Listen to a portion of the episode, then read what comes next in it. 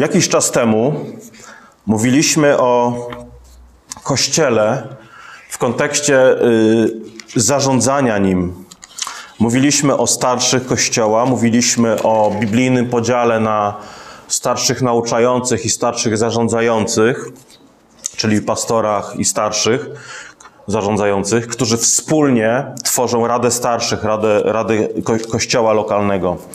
W naszych kościołach reformowanych wierzymy, idąc za Biblią, w wielość starszych, czyli nie wierzymy w tak zwaną jakąś piramidalną strukturę kościoła, gdzie władza jest w rękach jednego człowieka, który gdy się myli albo zbłądzi, to właściwie cały Kościół błądzi. Biblia mówi, że tam, gdzie wielu doradców, tam mądrość. Dlatego Biblia, kiedy mówi o starszych, mówi to zwykle w liczbie mnogiej, a nie pojedynczej. Czyli wierzymy w zarządzanie gremialne, a nie władzę jakiegoś jednego biskupa, jednego guru czy jednego papieża. Krokiem ku dojrzałości Kościoła jest również właśnie wielość starszych. W naszych kościołach reformowanych wierzymy, że aby być tym samodzielnym, niezależnym kościołem, samostanowiącym, yy, kościół powinien mieć przynajmniej dwóch, dwóch starszych, dwóch lub więcej. Starsi nauczający, a więc pastorzy i starsi zarządzający są, pasto, są pasterzami, którzy też muszą mieć kwalifikacje w zakresie charakteru, świadectwa, głównie w domu i poza nim, i doktryny. I dzisiaj przyjrzymy się, e, przyjrzymy się kryterium starszych, też pod kątem sytuacji naszego Kościoła, żebyście też mogli się modlić w tej sprawie o to, żeby Bóg e, powoływał, e, prowadził ku dojrzałości nasz Kościół, ale też powoływał, prowadził starszych wśród nas, którzy byliby współodpowiedzialni i służyli chwale Bożej ku dojrzałości Kościoła. E, lista kwalifikacji, zaraz się przyjrzymy trzeciemu rozdziałowi z listu do Tymoteusza. Ważne jest to, że lista kwalifikacji dla starszego jest list, do, dotyczy starszych obligatoryjnie. Co nie znaczy, że kiedy przyglądamy się tym kryterium, to możemy powiedzieć, a mnie to nie dotyczy. To dotyczy starszych, czy tam pastorów, to po co mi to? Po co w ogóle, po co to kazanie? Raczej jest to lista oczywiście obligatoryjnie dla starszych, ale to jest zachęta dla nas wszystkich, żebyśmy wiedzieli, w którym kierunku mamy podążać, naśladując przykład Chrystusa i podążając ku dojrzałości. Także przyjrzyjmy się biblijnym kwalifikacjom starszych, żebyśmy mieli też my, jako wierzący w Kościele, nie tylko starsi czy pastorzy, ale wszyscy wierzący, zdrowe biblijne oczekiwania od pastorów, od starszych, żebyśmy też potrafili dostrzec, rozeznać biblijne kwalifikacje wśród kandydatów do tej funkcji. I mamy dwie listy. Liście do Tymoteusza w trzecim rozdziale i w liście do Tytusa w pierwszym rozdziale.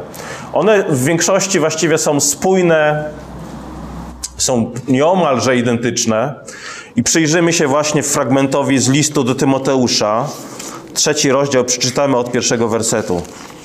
1 Tymoteusza, trzeci rozdział od pierwszego wersetu. Prawdziwa to mowa, kto o biskupstwo się ubiega, pięknej pracy pragnie.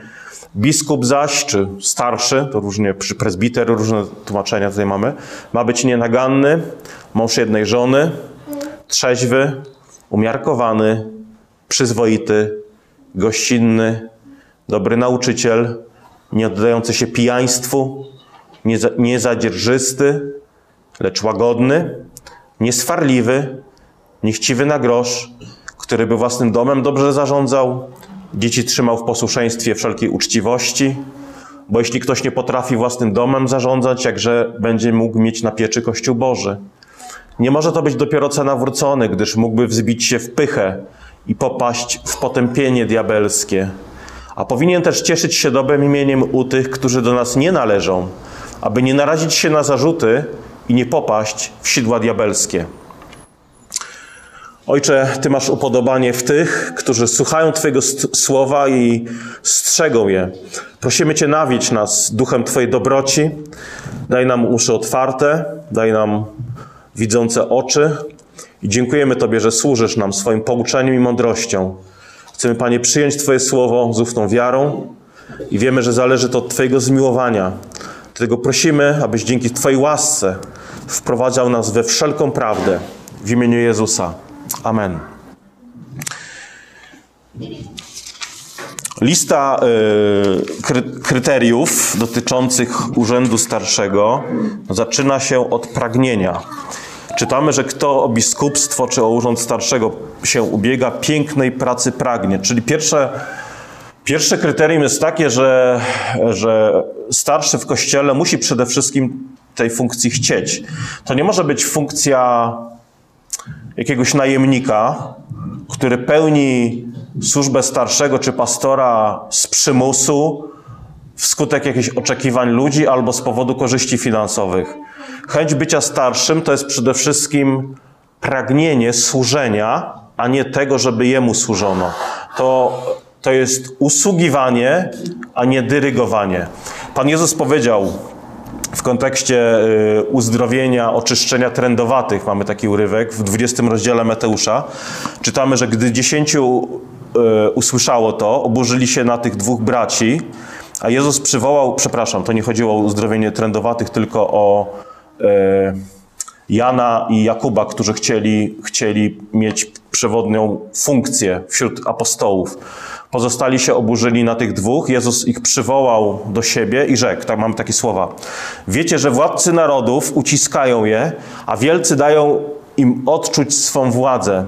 Nie tak, ma, nie tak będzie u was, lecz kto by, lecz kto by między wami chciał, stał się, kto by między wami chciał stać się wielkim, niech będzie waszym sługą. Kto by chciał się stać wielkim, niech będzie waszym sługą, a kto by chciał być pierwszym między wami, niech będzie niewolnikiem waszym. Na wzór Syna Człowieczego, który nie przyszedł, aby mu służono, lecz aby służyć i dać swoje życie na okup za wielu. E, Łukasz również ten, ten urywek relacjonuje, mówiąc, że powstał spór między apostołami o to, kto ma być między nimi największy, lecz on rzekł do nich, królowie narodów panują nad nimi, a ich władcy przyjmują nazwy dobroczyńców. Wy zaś nie tak macie postępować, lecz największy między wami niech będzie jak najmłodszy, a przełożony jak sługa. Któż bowiem jest większy? Czy ten, który siedzi za stołem, czy ten, kto służy? Czyż nie ten, kto siedzi za stołem? Oto ja jestem pośród was jak ten, kto służy. To są słowa Pana Jezusa. Czyli starszy na wzór Chrystusa to ten, który służy, a nie ten, który zasiada za stołem. Nie powie, starszy kościoła, pastor, biskup, jakkolwiek urząd nazwiemy, nie powinien nosić tytułu sługa Boży bez postawy sługi Bożego. Nie powinien nosić tytułu sługa Słowa Bożego, jeśli nie chce być traktowany jak ten, kto powinien usługiwać, a zachowuje się jak ten, któremu należy służyć. E, towarzysz Stalin był towarzyszem dla swoich rodaków, ale tylko w nazwie. Obywatel Robespierre był równy wobec swoich rodaków, ale tylko w postulatach rewolucji francuskiej, a nie w tym, jak ich traktował. W kościele to nie tytuły świadczą o tym, jaki jesteś, ale Twoje życie. I starsi powinni inicjować to, o czym nauczają, a więc prawd o uniżeniu, pragnieniu usługiwania drugim, o trosce, o miłości braterskiej. Czyli pierwsza rzecz pragnienie. Druga rzecz. E, biskup zaś ma być nienaganny. Nienaganny. Łaska Boża objawia się w życiu starszego kościoła w taki sposób, że trudno jest skierować wobec niego zasłużoną krytykę z powodu stylu życia, czynów czy mowy. Czyli nie powinniście znaleźć wśród starszych czy pastorów żadnego zarzutu, który może go zdyskredytować. Kiedy wrogowie Daniela szukali powodu do oskarżenia go, pamiętacie, po prostu nic nie byli w stanie znaleźć przeciwko niemu, więc co zrobili? No znaleźli coś na mm, tle jego wiary, Czytamy, że satrapowie, ministrowie szukali w sprawach państwowych pozoru do skargi. Tak? Pozoru, bo nie byli w stanie znaleźć żadnego konkretu. Więc pozoru do skargi przeciwko Danielowi, lecz nie mogli znaleźć pozoru do skargi ani winy, gdyż był godny zaufania i nie stwierdzono u niego żadnego zaniedbania ani winy. Wtedy rzekli owi mężowie, nie znajdziemy u tego Daniela żadnego pozoru do skargi, chyba że znajdziemy przeciwko niemu coś na punkcie jego religii. Czyli postanowili go oskarżyć o to, że regularnie mm, modlił się do Boga, a tym samym sprzeciwił się bałwochwalczemu rozporządzeniu króla. Jeżeli to byłby zarzut wobec starszego, to chwała Bogu. Ale jeśli chodzi o jego moralność, jego czyny, jego słowa, nie po, po, powinien być, tak jak mówi Paweł, nienaganny. Dalej, mąż jednej żony. Ciekawe, że mąż jednej żony, pierwszym wymienionym obszarem, w którym starszy musi być wolny od zarzutów, jest jego życie małżeńskie i jego życie seksualne. Dla mężczyzn, którzy żyją e, w związku małżeńskim, oznacza to oczywiście wymóg wierności małżeńskiej i czystości pod tym względem. Czyli dosłownie tłumacząc ten urywek, możemy powiedzieć, że powinien być mężczyzną jednej kobiety. Nie oznacza to wymogu tego, żeby mężczyzna, kandydat na pastora czy starszego, że musi być żonaty. Nie musi, są różne powołania i powołanie do służby starszego nie oznacza czy to konieczności celibatu, jak mówi Kościół katolicki, ale też nie oznacza konieczności yy, małżeństwa. Powinien być mężczyzną jednej żony, też w kontekście poligami. Nie powinien mieć więcej niż jedną, jedną żonę. Dlaczego? Dlatego, że Chrystus jest monogamistą. Chrystus ma jedną kobietę, jedną oblubienicę, którą jest Kościół. Nie związał się przymierzem z różnymi kobietami, z różnymi religiami, filozofiami, ale ma jedną kobietę, którą pojął swój Kościół. Czyli mężczyzna starszy, powinien być oddany żonie w czynach, myślach, słowach, powinien być wdzięczny i zadowolony ze swojej żony i nie pozwalać sobie na jakieś spoufalanie, jakiś tak zwany niewinny flirt z innymi kobietami. Kolejna rzecz. Trzeźwy, umiarkowany i przyzwoity trzeźwy, umiarkowany, przyzwoity. Te słowa dotyczą tych samych rzeczy, czyli innymi słowy, starszy w kościele powinien potrafić się kontrolować, powinien być opanowany, zrównoważony, nie poddający się szybko emocjom, nie powinien być też pochopny w swoim sądzie. Oczywiście yy, nie powinien unikać mocnych opinii tam, gdzie Biblia je wyraża, ale zanim starszy wyrazi ocenę, czy sformułuje ocenę, powinien rzetelnie i uczciwie zbadać fakty. Innymi słowy, powinien być rozważny, rozsądny, ale też w sprawach delikatnych, w sprawach na przykład duszpasterskich czy dotyczących poradnictwa, powinien być dyskretny, powinien być godny zaufania. Czyli może, musi być człowiekiem, któremu można zaufać w powierzeniu i rozwiązywaniu poważnych problemów, ponieważ starszy jest jak pasterz, który kocha owce, nie powinien być stronniczy, ale też powinien być, można powiedzieć, pryncypialny, uczciwy w swoich działaniach. Tak? Yy, można na nim polegać, kiedy szukasz sprawiedliwości. Nie może być człowiekiem, który, o którym, o którym e, mówi się, że no, on zawsze zajmie stronę tej, tej, tej osoby czy tamtej, bo, bo, bo tą owcę akurat bardziej lubi. Powinien być pryncypialny, uczciwy, spolegliwy, godny zaufania. Kolejną cechą jest gościnność. Powinien być gościnny.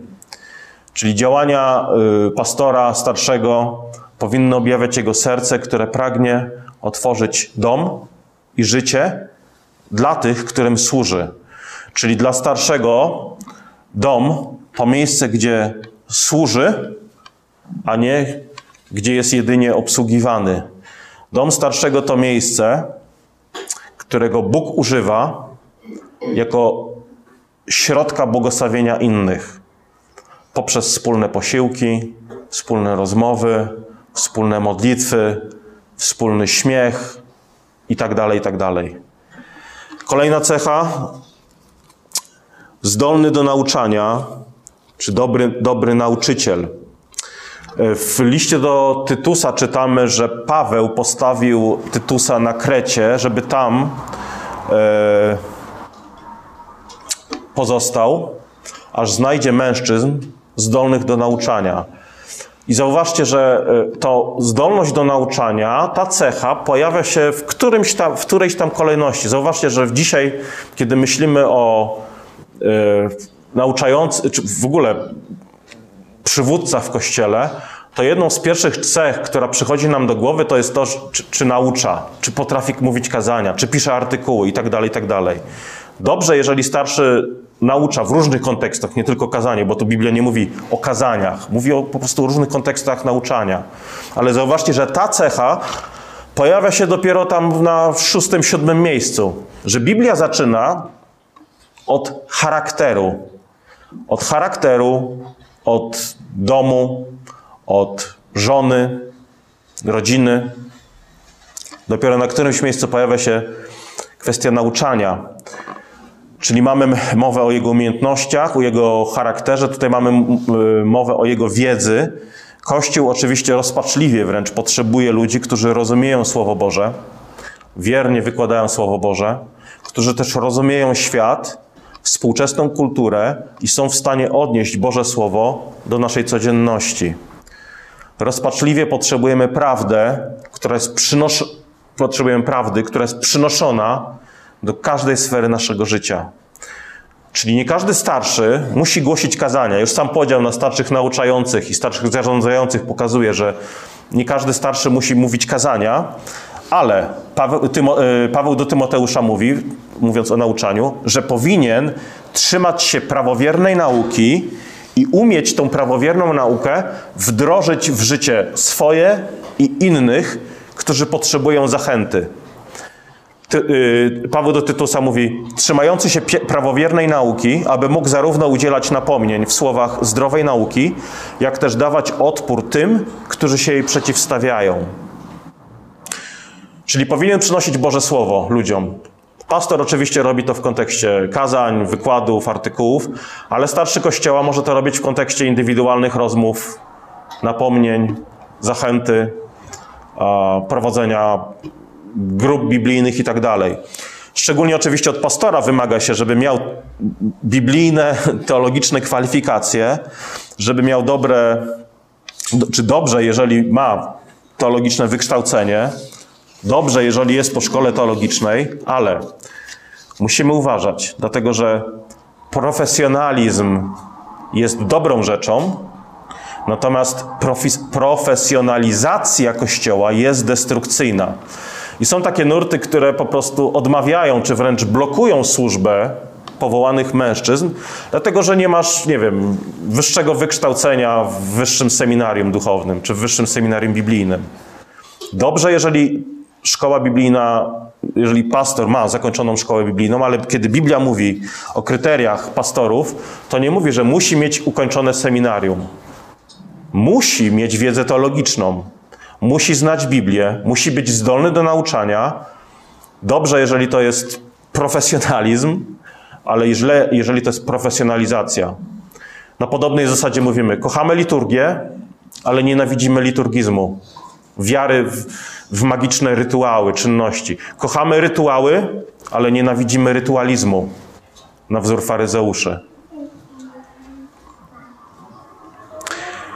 Czyli sytuację, w której kandydaci na pastorów idą do seminarium i kończą to seminarium, niczym lekarze kończą szkoły medyczne.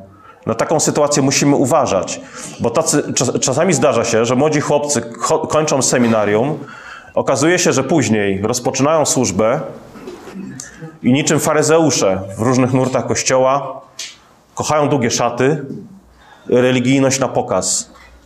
I zdarza się, że młodzi chłopcy po seminariach zakładają koloratki i z podniesioną głową budują wizerunek duchownego jakiego, jako takiego zniewieściałego ważniaka, który jest w ogóle oderwany od Biblii, od życia i od ludzi. Nie oddający się pijaństwu to jest kolejne kryterium. Czyli starszy nie powinien być kontrolowany przez różne substancje. Oczywiście nie jest to wezwanie do zakazu tych rzeczy, jest to raczej żądanie, wezwanie, żeby te rzeczy, używki, nie trzymały człowieka w uścisku. To my mamy kontrolować alkohol, a nie alkohol nas. Starszy powinien znać różnicę między używaniem a nadużywaniem. Dalej, niegwałtowny, niezadzierżysty, lecz łagodny, niekutliwy. Yy, od dnia, kiedy Abel, kiedy Kain zabił Abla, ludzie zwrócili się do siebie z nienawiścią, z przemocą, podziałami. Pismo Święte mówi, że Bóg tego nienawidzi. Bóg nienawidzi kłótni, kłótliwego języka, bezpodstawnej przemocy.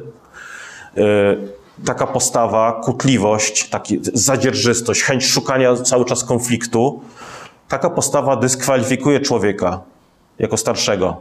Człowieka, który jest skłonny do takich rzeczy. Oczywiście czasami konflikty są nieuniknione, ale nie powinniśmy szukać okazji do złych konfliktów, do niepotrzebnych konfliktów. Jeżeli tą linią podziału jest Ewangelia, to dobrze, bo po to jest Ewangelia. To jest różnica między życiem a śmiercią, zbawieniem a piekłem. Ale Paweł apostoł mówi: jeżeli to możliwe, jeżeli to od was zależy, żyjcie w zgodzie ze wszystkimi ludźmi. Zrób co możesz, jeżeli jesteś z kimś skonfliktowany, zrób co w Twojej mocy, nie czekaj na drugiego. Zrób co z Twojej mocy, żeby się pojednać. Na ile to od Ciebie zależy? To, co zrobi ta osoba, już nie Twoja sprawa. Zostaw to Bogu i sumieniu tej osoby. Tak, sprzedawca może powiedzieć na przykład do kobiety, idzie kobieta do sklepu obuwniczego, mierzy but i sprzedawca może powiedzieć, och, pani stopa jest za duża na ten but. Jeżeli tak powie, to niektóre kobiety mogą wpaść w kompleksy z powodu dużej stopy. Och, pani stopa jest za duża. Ale może powiedzieć inaczej. Może powiedzieć, ten but jest za mały na pani stopę. Może trochę inaczej brzmi, ale wskazuje, że problem dotyczy buta, a nie stopy. Nie powinien szukać konfliktu czy okazji do, do konfliktu. Powinien być łagodny, rozsądny. Dalej. Niechciwy na grosz, niechciwy wobec pieniędzy.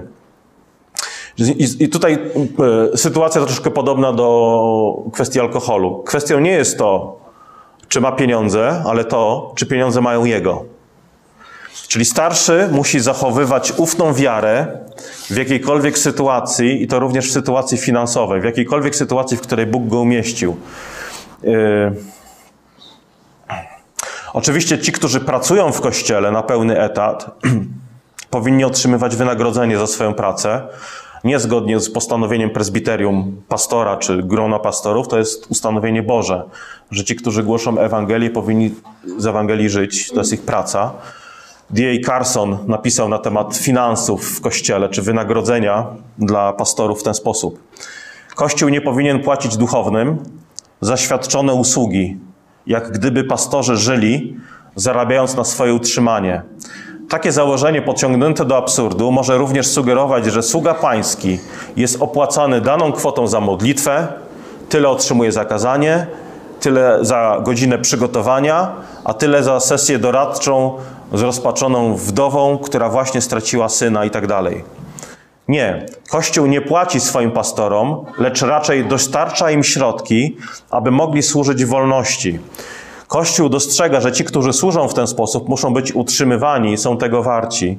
Najgorsza sytuacja ma miejsce, gdy pastorzy, zachłanni i zazdrośni, zazdrośni nieustannie porównują się z innymi profesjonalistami, a Kościół z kolei przyjmuje postawę: Panie, utrzymuj go pokornym, a my utrzymamy go biednym.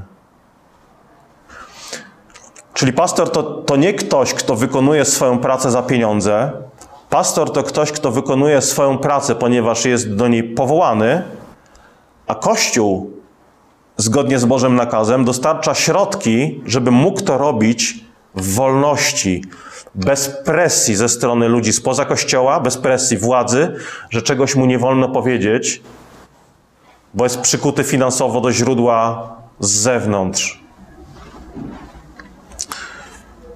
Kolejne kryterium. Dobrze zarządzający swoim domem, który by własnym domem zarządzał, dzieci trzymał w posłuszeństwie, wszelkiej uczciwości, bo jeżeli ktoś nie potrafi własnym domem zarządzać, jakże będzie mógł mieć na pieczy Kościół Boży? I tutaj zaczynają się właśnie te kryteria dotyczące domu.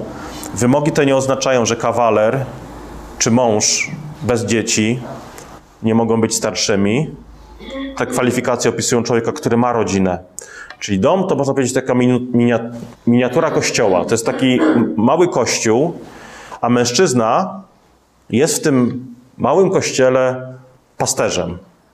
I to jeszcze nie mówię o starszych, nie mówię o sobie, e, mówię o wszystkich panach, o wszystkich braciach, że jesteśmy pasterzami dla naszych żon i dzieci w naszych domach.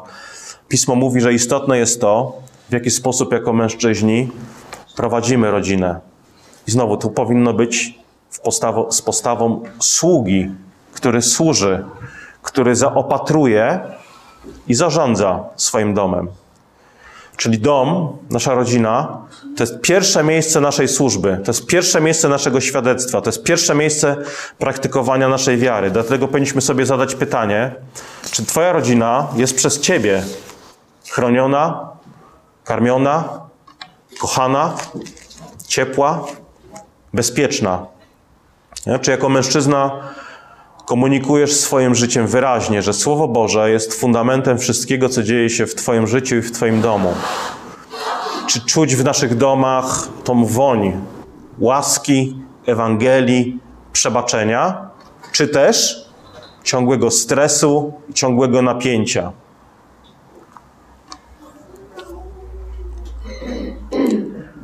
Jezus krytykował faryzeuszy za hipokryzję, za taką dwulicowość, mówiąc, że jesteście jak groby pobielane. Z zewnątrz wydajecie się piękni, ale w środku jesteś, toczy was robactwo. I tak to jest, zauważcie, że hipokryci są bardziej zainteresowani zewnę zewnętrznymi rzeczami niż wnętrzem. I mężczyzna często będzie kuszony, żeby bardziej koncentrować się na swoim świadectwie tam, niż tu. Żeby bardziej koncentrować się na świadectwie poza domem, niż w domu. Także musimy, bracia, też uważać na, na, na to i, i, i jasno powiedzieć, nie o taką wiarę nam chodzi. Taka wiara nie zachęci nikogo, wręcz przeciwnie, odsunie od tego, co najistotniejsze, od Ewangelii. Tego pytanie do wszystkich braci, do wszystkich mężczyzn: czy jesteś lojalny wobec swojej żony i dzieci? Czy jesteś dla nich dostępny? Czy jesteś ich największym fanem, czy największym krytykiem? Czego uczą się dzieci o miłości Jezusa, patrząc na Twoje życie? Ale z drugiej strony musimy też uważać, żeby nie czynić z domu bożka. Czyli nie robimy z domu takiego, takiej twierdzy, y, centralnego, niedostępnego, zamkniętego miejsca. Jestem tu pastorem, odwal się, co to twoja sprawa, Mój dom to moja twierdza i ja tu jestem nieomalże półbogiem.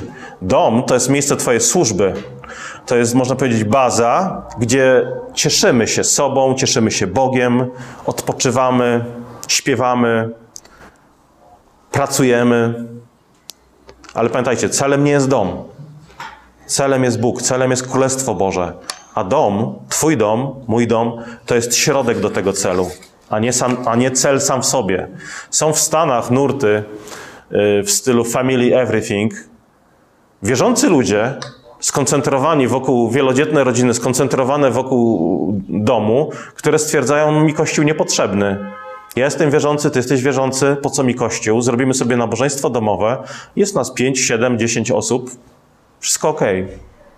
Ale Biblia mówi, że Jezus założył Kościół i to bramy piekielne nie przemogą Kościoła. Kościół ma obietnice, których nie ma rodzina. Jezus ustanowił sakramenty, ustanowienia pańskie w kontekście Kościoła, a nie rodziny. Mówi o zwiastowanym publicznie Słowie Bożym w kontekście Kościoła. Mówi o zgromadzeniach w kontekście Kościoła. Nie oznacza to, tak jak mówię, jestem ostatnią osobą, która powie, rodzina jest na drugim planie. Bardzo często podkreślamy, tak jak Paweł tutaj mówi, świadectwo domu, świadectwo rodziny. Ale pamiętajmy o właściwych proporcjach czy, czy, czy, czy kryteriach jednego i drugiego. Dzieci, tutaj jest powiedziane, że y, starszy jest kimś, kto powinien dzieci trzymać w posłuszeństwie i uczciwości. Tytus w paralelnym urywku mówi, że chodzi o dzieci, które nie stoją pod zarzutem krnąbrności lub rozpusty. Czyli innymi słowy, yy, dzieci starszego nie powinny być oskarżane o bunt albo rebelię. I tutaj znowu pytanie. Czy dzieci kochają swojego tatę, szanują go i wiernie podążają za nim jako uczniowie Chrystusa? Czy ufają mu? Czy zadają pytania o wiarę, o zrozumienie Biblii? Czy modlimy się wspólnie w naszych rodzinach? Tak, w domu tata, mąż jest doradcą duchowym, jest pastorem, nauczycielem szkółki dla dzieci. I jeżeli potrzebujesz wsparcia, pomocy, wskazówek, to starszy w kościele powinien być kimś, kto będzie w stanie ci pomóc w takich rzeczach kto będzie w stanie Cię zachęcić. Dalej, e, zbliżamy się do końca. Przedostatnie kryterium. Nie może to być dopiero co nawrócony. Czyli istnieje też taka szczególna pokusa dumy wobec tych, którzy obejmują urząd starszego, będąc jeszcze młodymi w wierze. I należy się oczywiście spodziewać ataków diabła wobec Kościoła, a starszy jest kimś, kto stoi właśnie w pierwszym szeregu takich bitew. I teraz, chociaż Biblia nie podaje wieku jako kategorycznej granicy dla ordynacji starszego, to w Piśmie Świętym widzimy pewną mądrość i pewien powtarzający się schemat, że do szczególnych powołań zwykle powinien być delegowany mężczyzna po 30 roku życia. I to pojawia się, to pojawia się i w Starym, i w Nowym Testamencie. Przykładem oczywiście jest Jezus, przykładem są Lewici, przykładem jest y, Józef y, w Egipcie. E, Dawid, starsi powinni być dojrzali i mieć zmysły wyćwiczone, aby odróżnić dobro i zło, mówili do Hebrajczyków. Tymoteusz został pastorem w kościele w Efezie, w Efezie po przynajmniej 10 latach swojego członkostwa w nim. Ja pamiętam, czasami y, już sporo pytań kiedyś y, dostawałem, wciąż co jakiś czas się pojawiają. Co muszę zrobić, żeby być pastorem w kościele? No moja pierwsza odpowiedź jest po pierwsze, musisz być nawrócony, a po drugie, musi być członkiem kościoła. W jakim jesteś kościele? No jeszcze nie jestem żadnym.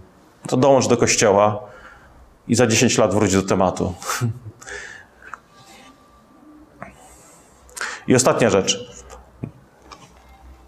Powinien też cieszyć się dobrym imieniem u tych, którzy do nas nie należą, aby nie narazić się na zarzuty i nie popaść w sidła diabelskie. Czyli jeżeli osoby z zewnątrz, spoza kościoła mówią o starszym w kościele, o pastorze, jesteś maniakiem Jezusa, jesteś biblijnym absolutystą, to odpowiadam, o to wszystko jest w porządku, ok. Wszystko się, wszystko się zgadza, bardzo dobrze, że to mówią, ale lepiej, żeby nikt z zewnątrz nie nazywał pastora albo starszego cwaniaczkiem, zarozumiałym pyszałkiem, chciwcem, dumnym jakimś zarozumiałym facetem, który chodzi po prostu z głową podniesioną do góry. Starszy kościoła to jest po prostu wizytówka kościoła na zewnątrz.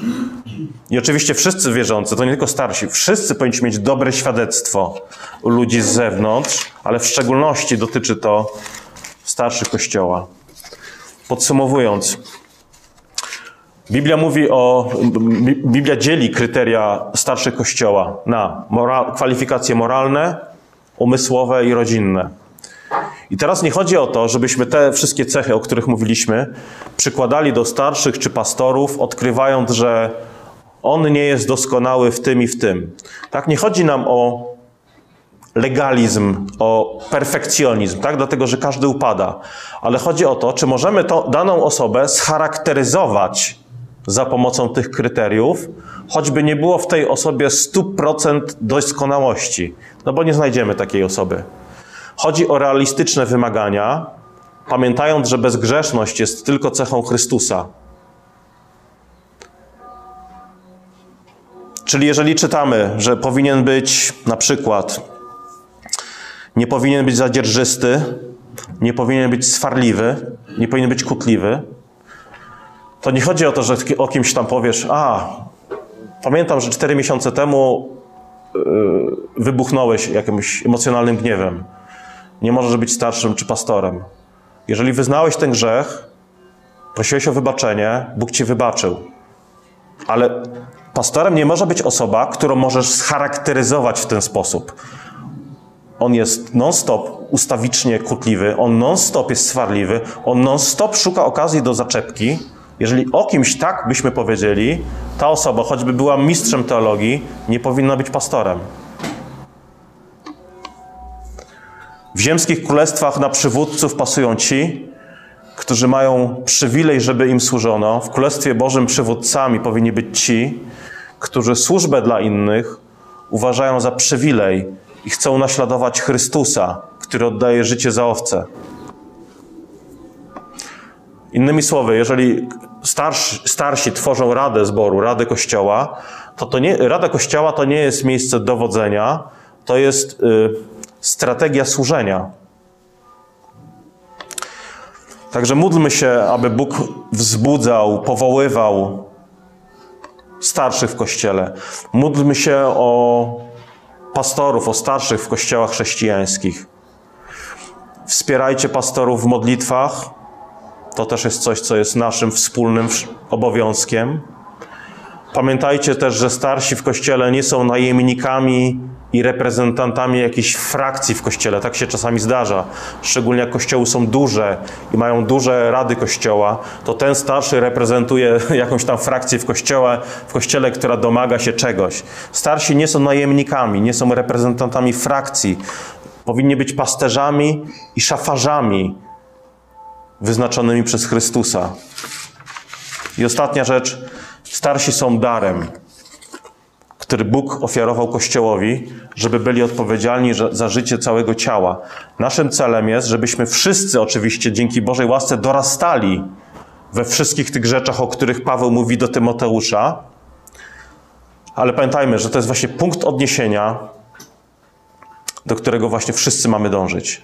To nie jest jakiś bonus dla wybranych. Kiedy czytacie, wrócicie jeszcze do domu, mam nadzieję, do tej listy starszych, to nie myślcie o tym, a, no dobra, to to jest dla starszych, mnie to nie obchodzi. Ja mogę po prostu y, łamać te wszystkie rzeczy, o których tutaj jest mowa w liście, liście do Tymoteusza. Nie, Paweł mówi, to jest miara dla ciebie. Powinieneś dążyć do tego, bo jesteś powołany do dojrzałości, a nie jedynie do przetrwania. Pomódmy się. Ojcze, dziękujemy Tobie za Twoje słowo prosimy Cię, chroń nas od zapominania Twojego słowa. Panie, chcemy być jak gleba, na której rzucone ziarno wydaje sześćdziesięciokrotny, stukrotny plon.